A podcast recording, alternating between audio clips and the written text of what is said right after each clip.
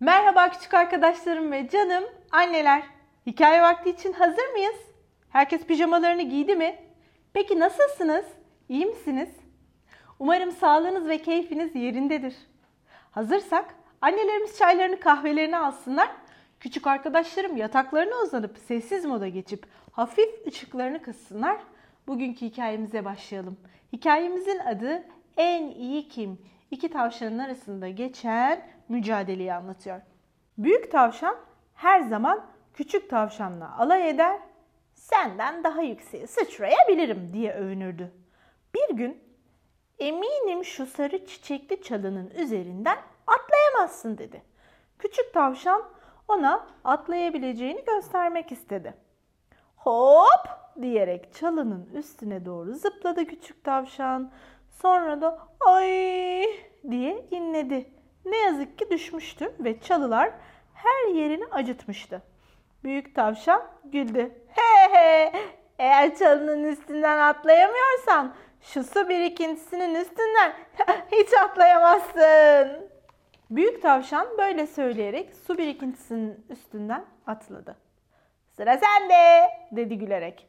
Küçük tavşan yaylandı, yaylandı ve hop diye sıçradı ama su birikintisinin tam ortasına düşüverdi. Hayal edin o sesi şlops diye. Haydi bakalım kim daha hızlı dedi büyük tavşan. Sonra da bahçenin sonuna doğru yarışa başladılar. Küçük tavşan var gücüyle zıplamaya başladı. Ama önüne çıkan taşı fark etmemişti. Taşa takıldı ve çite doğru yuvarlanıp sebze bahçesine düştü. Küçük tavşan çok üzgündü. Sonra birden bahçedeki lezzetli havuçları görünce tüm üzüntüsünü unuttu. Haydi sen de gel diyerek büyük tavşanın yanına çağırdı. Burada lezzetli marullar ve havuçlar var.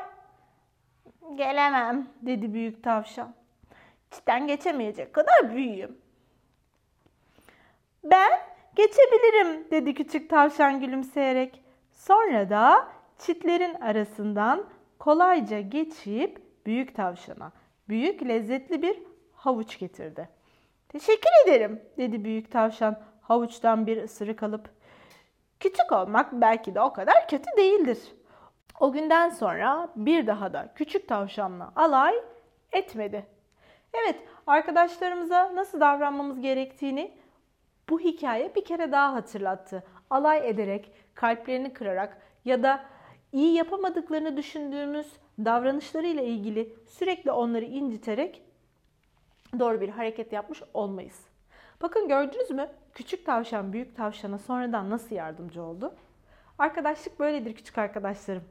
Sevmek ve paylaşmak önemlidir. Şimdi gelelim bugünkü garip ama gerçek bilgilere. Yazın Niagara şelalesinden bir saniyede düşen su 13 bin küveti doldurabilirmiş. Evet yanlış duymadınız. Bir saniyede düşen su 13 bin küveti doldurabiliyormuş. Bugünlük de bu kadar.